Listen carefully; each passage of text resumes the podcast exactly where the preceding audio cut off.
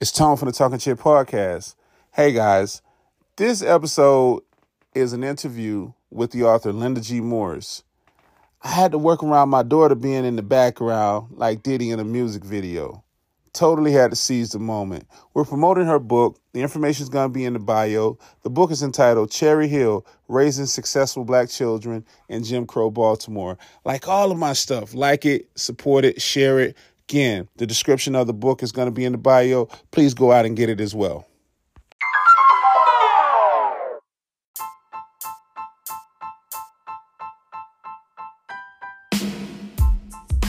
It's gonna be a fun podcast. Again, I got my daughter with us, so she's making cameo appearances in.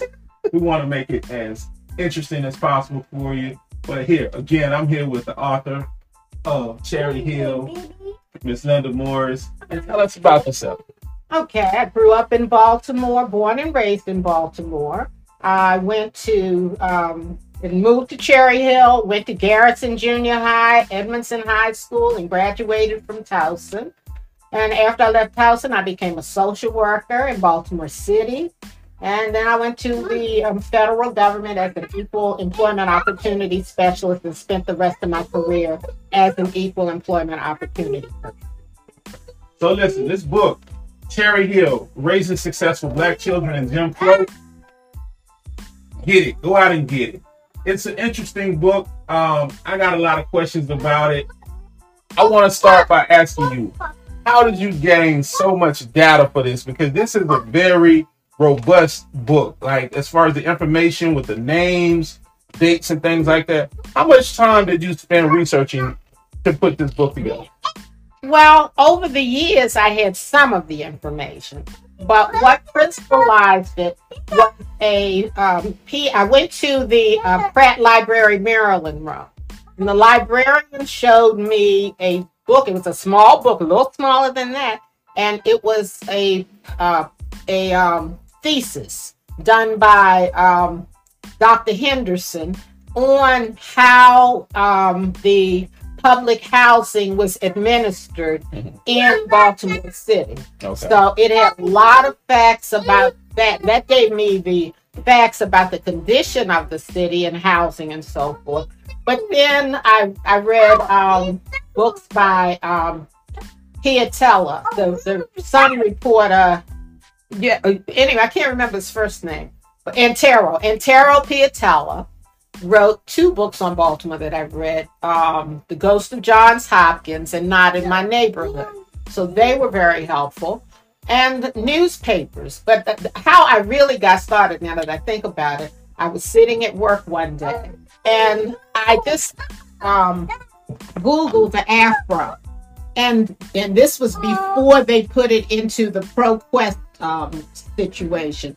The Afro had their papers archived and I just was amazed to see how much history was there. I just kept Googling, going back in time, and they had a lot of information on Cherry Hill. And I found this article that had my sister in it when she was, it wasn't a picture, but it referenced a program at 159, the elementary school there.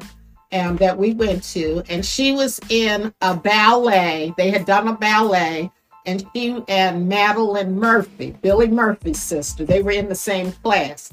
And so it had their names in it. And I sent the um, article to Madeline. I didn't know her. I mean, I just knew her as a person from Cherry Hill and sent the article to her. And she was just amazed that I had found it. And so what would happen is as I got information, I shared it with the people in Cherry Hill that that came, you know, that I came across through my girlfriend, um, Sydney Ellis, Sydney Ross Ellis, because she knew everybody. Sydney is a history book. And she she's a phone book for Cherry Hill. She knew everybody. She would tell people I was doing this work, and they would come to me and um, give me their. Um, I, I, I uh, developed a questionnaire, and Sydney got people to fill this questionnaire out. And the more people who came together, the more information I had. So that's communal work.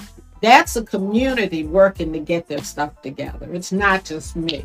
Gotcha. hmm Now, one thing you got to know about Cherry Hill, no matter where you go, Florida, uh, my experience, New Jersey, uh, Maryland for sure, Baltimore, the city of they are, they, it's always friendly people, very chatty people. You're gonna meet somebody that's just willing to share with you and give you all the information you need, even if you're a stranger in most instances. And somebody want to talk anytime, any place. So I definitely understand some of the things that you're saying. Um, but can you tell us what the Afro is? What, what Oh, can you I'm sorry, explain? the What is Afro? American newspaper. Okay. The Afro American newspaper was founded by the great grandfather of uh, Billy Murphy. The Murphy family is uh, was a keystone family in Cherry Hill.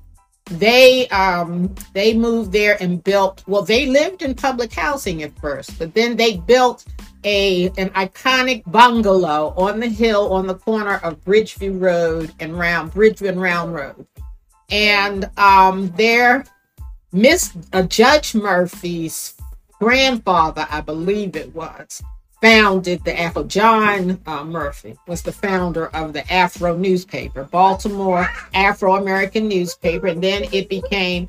Um, Washington has an edition of the Afro, and I think it, several cities have Afro American newspapers as a result of Mr. Murphy's um, founding.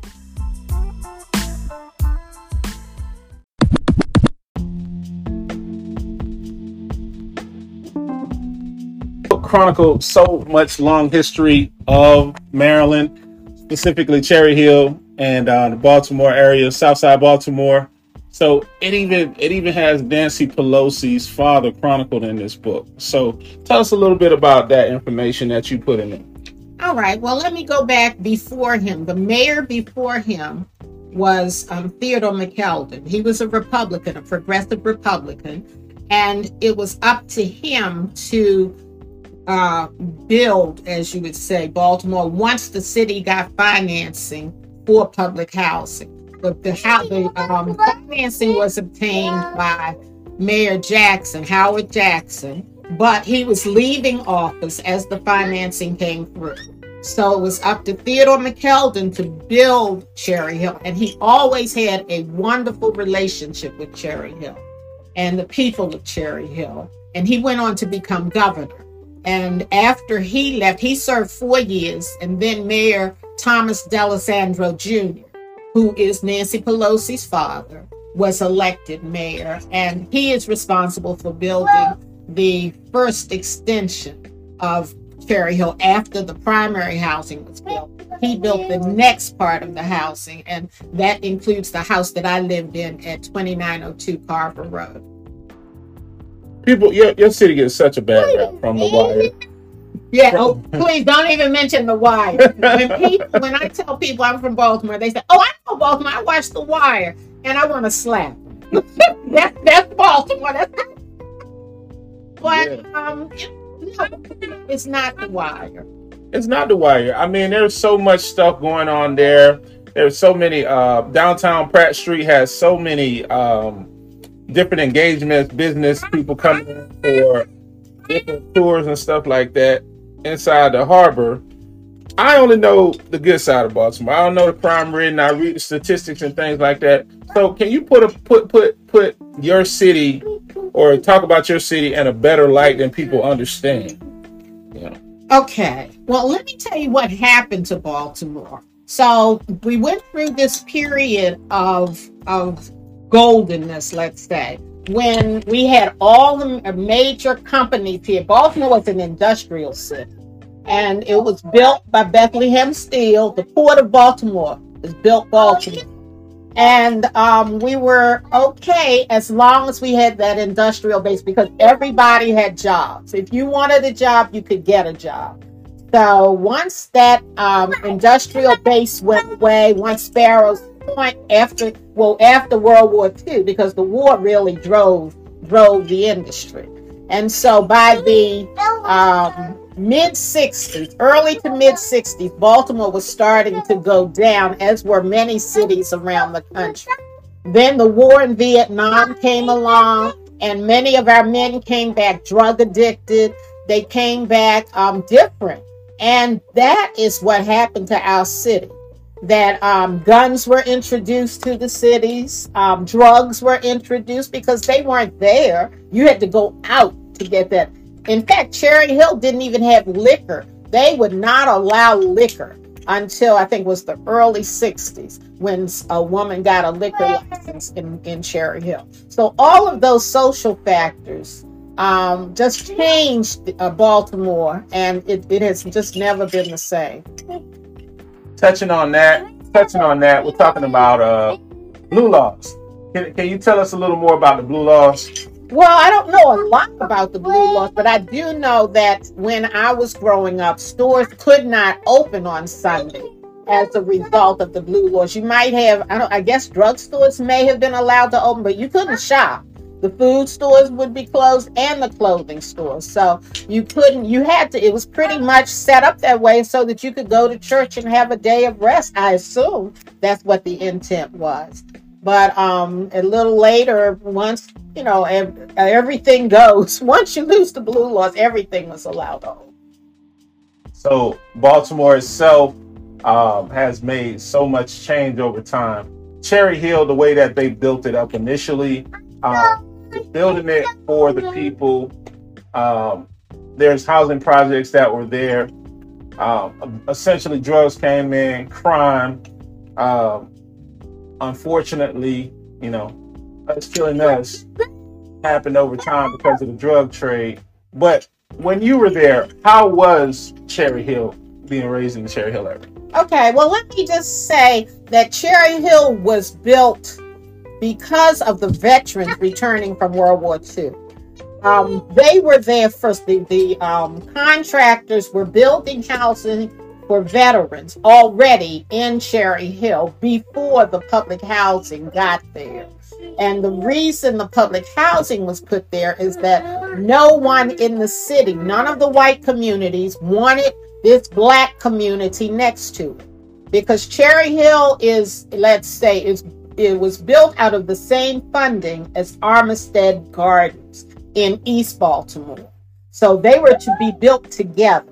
But the Armistead Gardens was supposed to be for white families, Cherry Hill was for black families. Armistead Gardens got built, no problem. Um, but with Cherry Hill, they had to put it somewhere. And there was always um, conflict with the white neighborhoods not wanting it because they felt as though they could not support the infrastructure needed to support that segregated way of life because you would have to have schools, you separate schools, separate, you know, stores and separate. Um, you'd have churches, of course, that were already separate, but they couldn't support the um, the infrastructure needed, and so the fact that the homes were already being built in Cherry Hill for the returning veterans made it easier for Mayor McKeldin to put the public housing there. Great history great history that we are getting today from Ms. Morris. Again,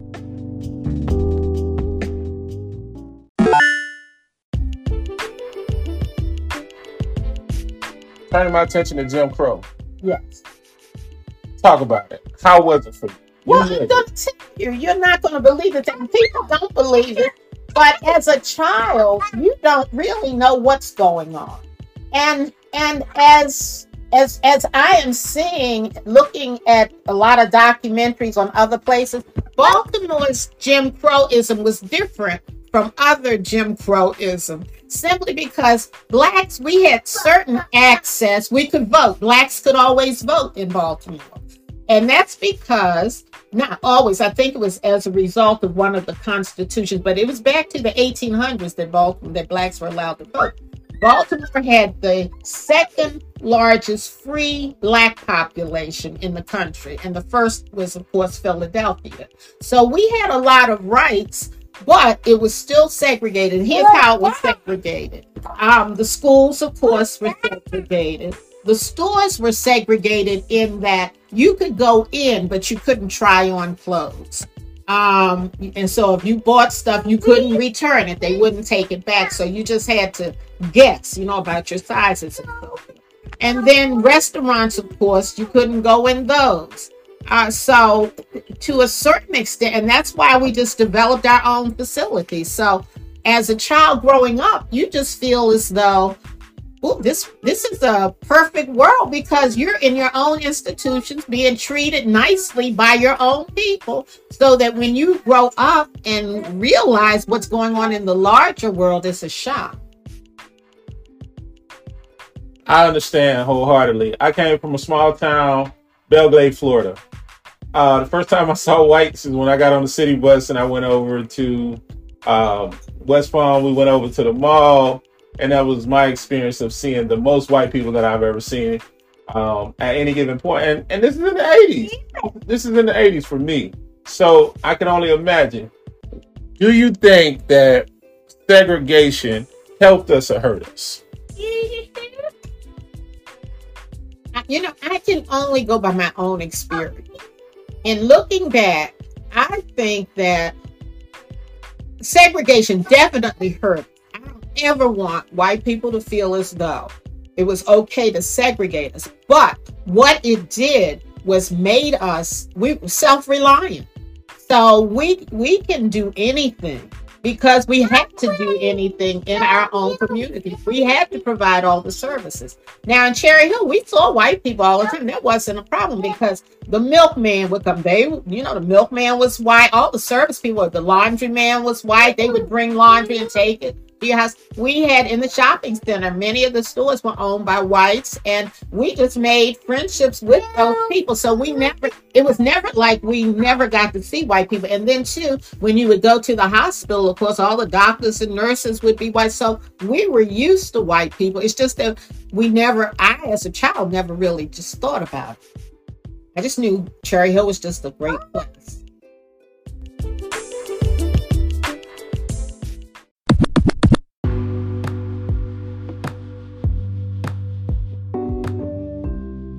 Mrs. Carroll, Mrs. Hattie Carroll was a bartender at a, a ball of some society people from Southern Maryland. And this man, William Zantzinger, was one of the persons attending. Now, Mr. Zantzinger apparently had a top hat, and it was alleged to be a toy cane that he was twirling at this affair. And he ordered a drink from Mrs. Carroll and apparently, she did not move fast enough for him.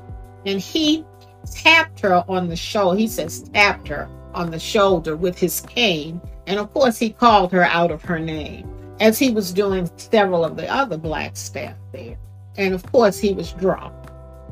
So, anyway, Mrs. Carroll was so upset from this man's behavior that she had a stroke at the place they had to call an ambulance, and she died the next morning at the hospital.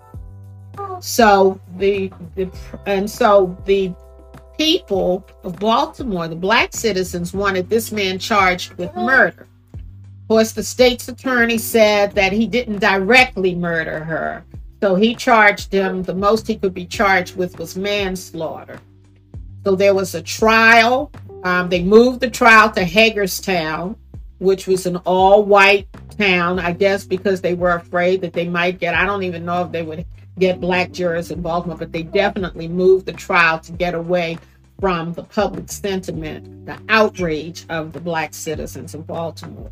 So all of this went on. And at the time, there is a young folk singer, um, Bob Dylan, who apparently he heard about this and it apparently affected him deeply and he wrote a song called the the lonesome death of hattie carroll. And if you listen to the song you can hear his anguish about this situation. Wow. Crazy. Crazy crazy crazy. You brought up uh, lord baltimore? Yes. Do you remember when martin luther king came to town? Can you recall? Vaguely I was in, I think I was in high school, but I don't know much about Dr. King um, being here. You have to, now let me tell you, interestingly enough, everyone now reveres Dr. King. In the black community at the time, talk about it. There was, you know, we didn't know there was separation. And so, for instance, my aunt, my older aunt Mary loved Dr. King Mm. and she followed him. Mhm. So she went to his events. My parents were not sure because this is the thing. People always want, you know, the status quo is hard to break. And it's just like when Barack Obama ran for president, you had a faction. Come on, down. sweetie. Come on, sweetie. Come Come on. on. Cause I see what you're going for. You see them coins up there. Oh, She see the chain, so she was trying to go get them pennies. I see you. You slick. This will work for you. Come on. she can have Come some of that. I want you put them in her mouth. You love them. Yeah, that's what that's what she would do. Yeah. Ready? So anyway, you have to remember that anytime there is change, you're going to have people who are nervous about whether the change is going to occur, whether this person will be successful, and what will happen if that person is not successful. Will be will we be worse off? So that was the um, predicament. So you had people who revered Dr. King and followed him, but you had people who were in the background saying, well, we're going to wait and see. We're not going to jump on this bandwagon. And that's with any movement. That's how it was when Barack Obama ran. You had black people saying, oh, no, he can't win. I'm not going to give him my support and waste my vote. But he did. But that's how change occurs. So, and people in both camps both have valid points, but um, change occurs.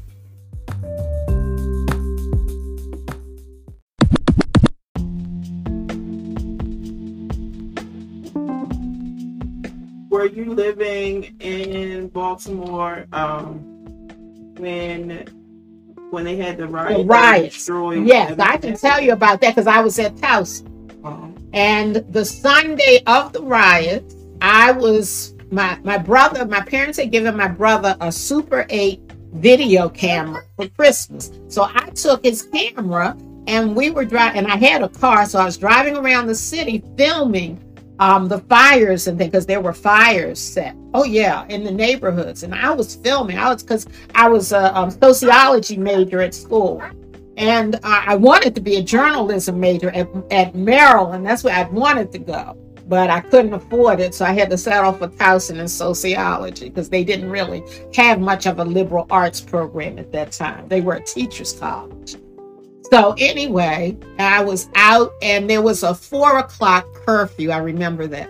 So I'm out filming, and a cop comes and pull not pulls me over. I was outside of the car by then. He said, "You have to go home." And of course, I'm saying, I'm, I'm doing this for a paper. And he said, I don't care. He said, it's four o'clock and you have to go home, else I'm going to have to take you in, something like that.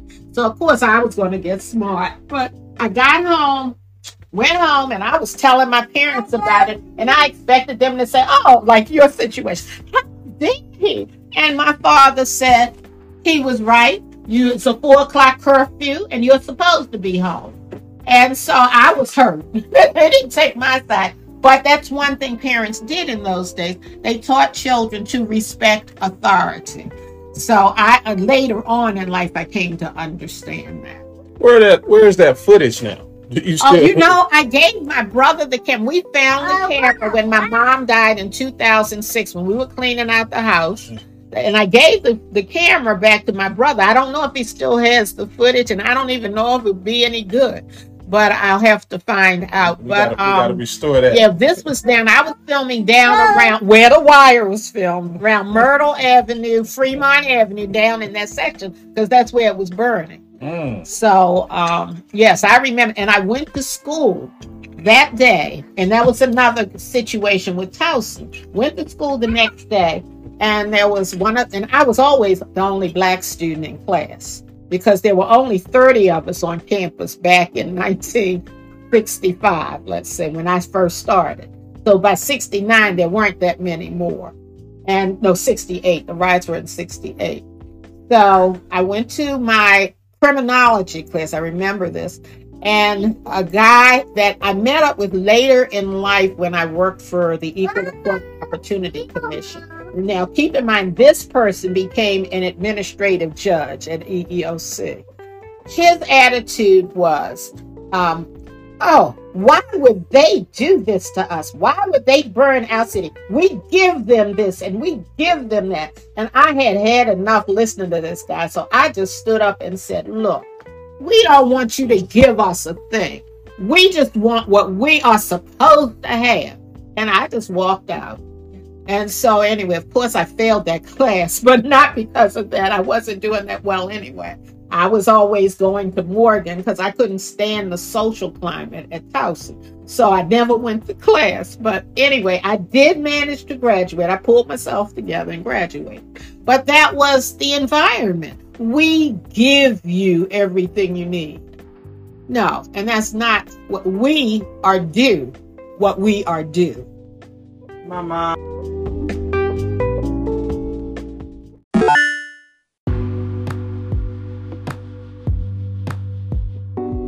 Right? So just understanding Baltimore is not a bad place, guys. Um, Maryland is a great place. Obviously, so many people are moving here now.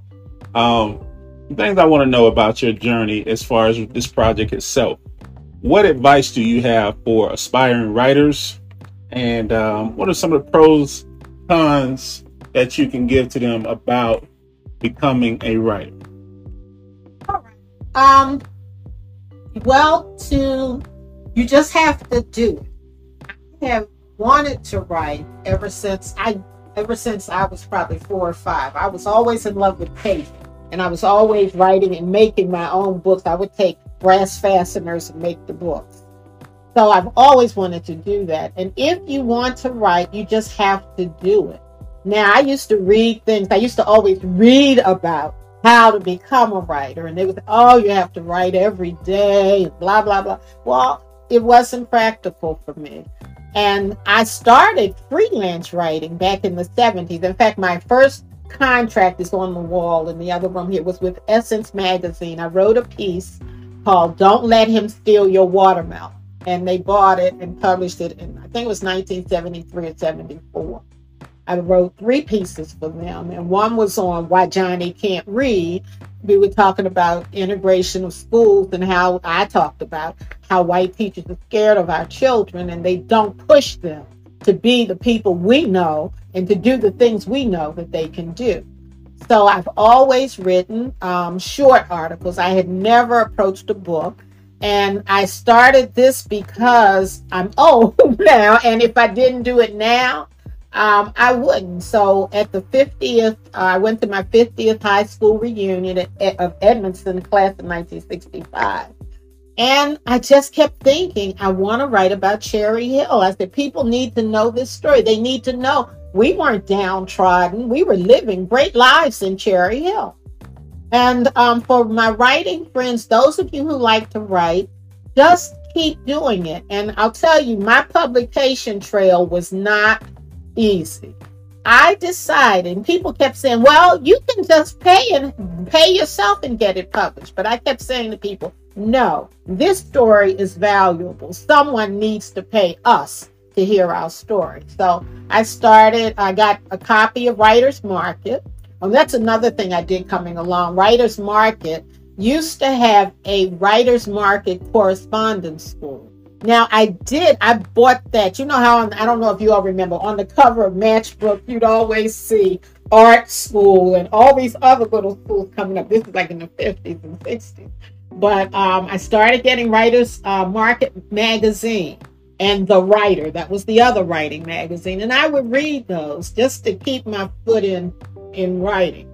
But um, I went to the. I took the correspondence school, and that taught me a lot about the process and the publication process. So I knew about rejection.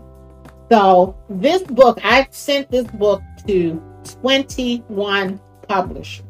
I went through that much rejection, yes. And the good thing now, though, is that you can do it electronically. Back then, you used to have to physically send five chapters and your outline and so forth. But now that you can do it electronically, it's faster.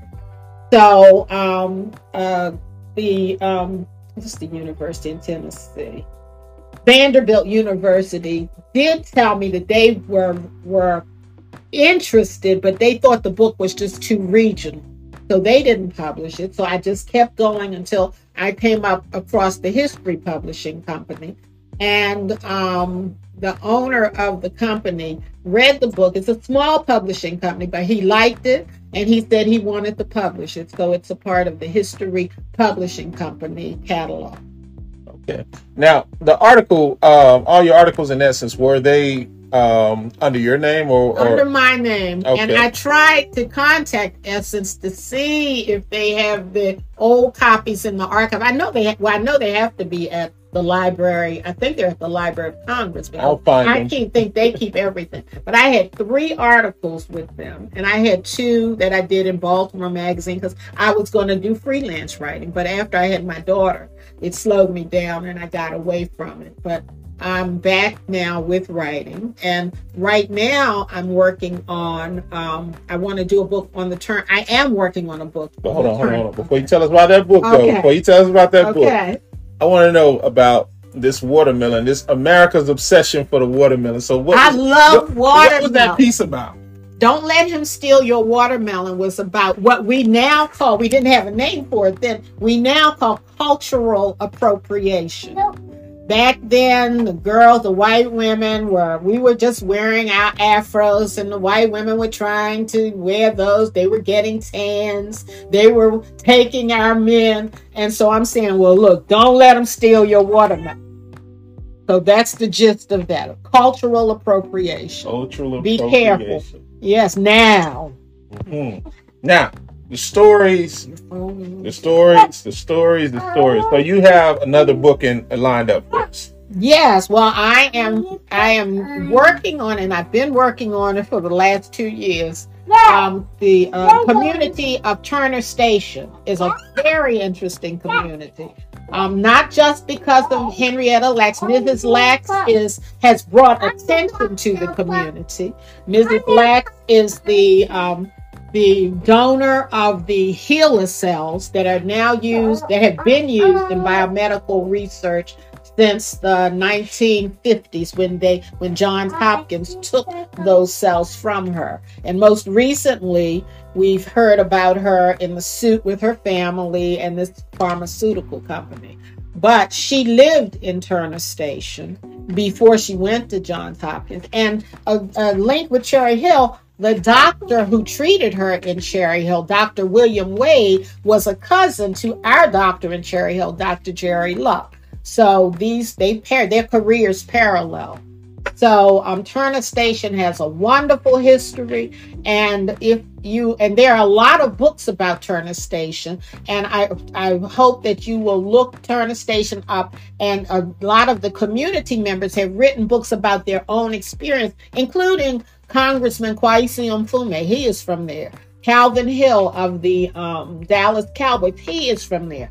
But what I'm trying to do, and that's what takes time, is to weave the family stories together. Now, so that it's not just about one person, just like with our Cherry Hill book, I tried to weave the families together, the fabric of the community, so you can see what the community was like and the joy of the community. And my working title for the Turner Station book is Turner Station and Sparrows Point Black Families Living Large in Jim Crow, Baltimore County because they had the black families, um, the families in that area had the highest per capita income of, of people anywhere in this country because of Bethlehem Steel and those steel mills and the other um, employers, the industrial employers around that the port of Baltimore.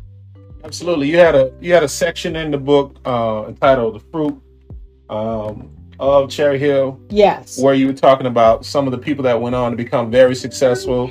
Like you said, um, you were talking about the Turner Station guys, but you were saying uh, Toni Braxton's father's from there. Yes. Also, uh, Montel Williams. Yes, his father, fire chief. Um, he came to be fire chief. His father was one of the first black fire uh, fighters in Baltimore City. Any other people that you could mention from Cherry Hill that Oh. you can recall? Of course, our own um, Billy Murphy, uh, the attorney, um, and a Clinton speechwriter, um, Perry Edmonds, I think his name was, and also Valerie Thomas. She is a physicist who worked for uh, NASA, and she had a lens patented that was used in the Hubble telescope. So, you know, our schools didn't do too badly. They turned out some good, and that you got to remember your base for your education is your elementary school. And that's why it's so important to have good elementary school teachers because that's where your dream gets set, you know, and you get um you just get that passion for learning and you have to have people who are passionate about you learning that's the important thing and just closing out even at even now mm-hmm. do you recall any elementary school teachers that really made a mark on you I left their mark yes um i mrs uh, um i have two especially mrs bernice Tubman Johnson. Talk about that. And Mrs. Um, Yvonne Baycoat Willis. They were two women who really inspired me to to just want to learn. And um, all of my teachers, Mr. Clifton Ball was my sixth grade teacher. All of, and our principal, Mrs. Viola Wright, you it, it's just amazing to be now as an adult i see it as a child of course i didn't see it but it's amazing to have that support system and even i can't remember mrs fenderson's first name but she was even a, a role model i mean she was the one with the big ruler miss fenderson would keep you straight she had a lot of boys in her class and she needed that ruler to keep them in line so we had well, just wonderful teachers. Mrs. Janet Hughes, she was a first grade teacher. Um, they were all just wonderful people. Now, historically, some of the people of the past, such as uh, Frederick, Douglass, Frederick Douglass, Harriet Tubman, they didn't leave us when they transitioned. They left family behind. And you mentioned Miss Tubman what was she to you, and was she a direct relative of Harriet Tubman?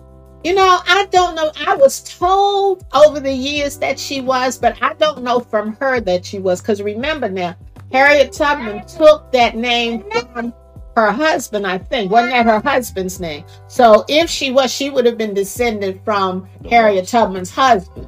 So I don't know, but I was told that she there was a link. Uh, but when I had her, she was Miss Tubman, and then she got married, of course. And oh, and I can't. Oh, I'm sorry, I missed Miss Jackie Heyman, Jackie Campbell Heyman. She, I mean, I she had me in third grade for one semester.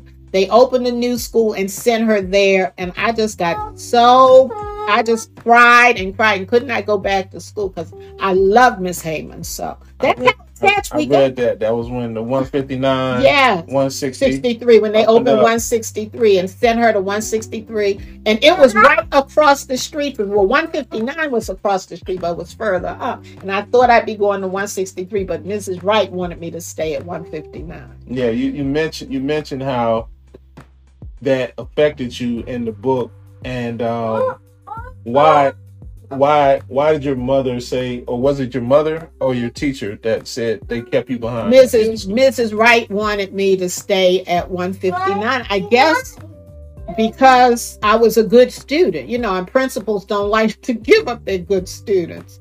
So she um she she sent some of my class went there but i stayed at 159 awesome story. I love the story. Again, the book itself is a great read. I haven't finished it all. I haven't finished it all. I'm still reading it. We got a couple days ago. But I, I, I went through it well enough so that I could be able to interview this wonderful writer, Miss Linda G. Morris. Again, her book, Cherry Hill Raising Successful Black Children in Jim Crow, Baltimore. Please, guys, go pick this book up for us. It's worth it. Make sure you pick this book up. And until next time, thank you again. Thank you for this very intimate, intimate, intimate with my daughter here in our podcast. Guys, forgive us for the background distractions, but enjoy it nonetheless. Like, share, like you always do. Until next time, it's Tone Talking Chit Podcast. Thank you.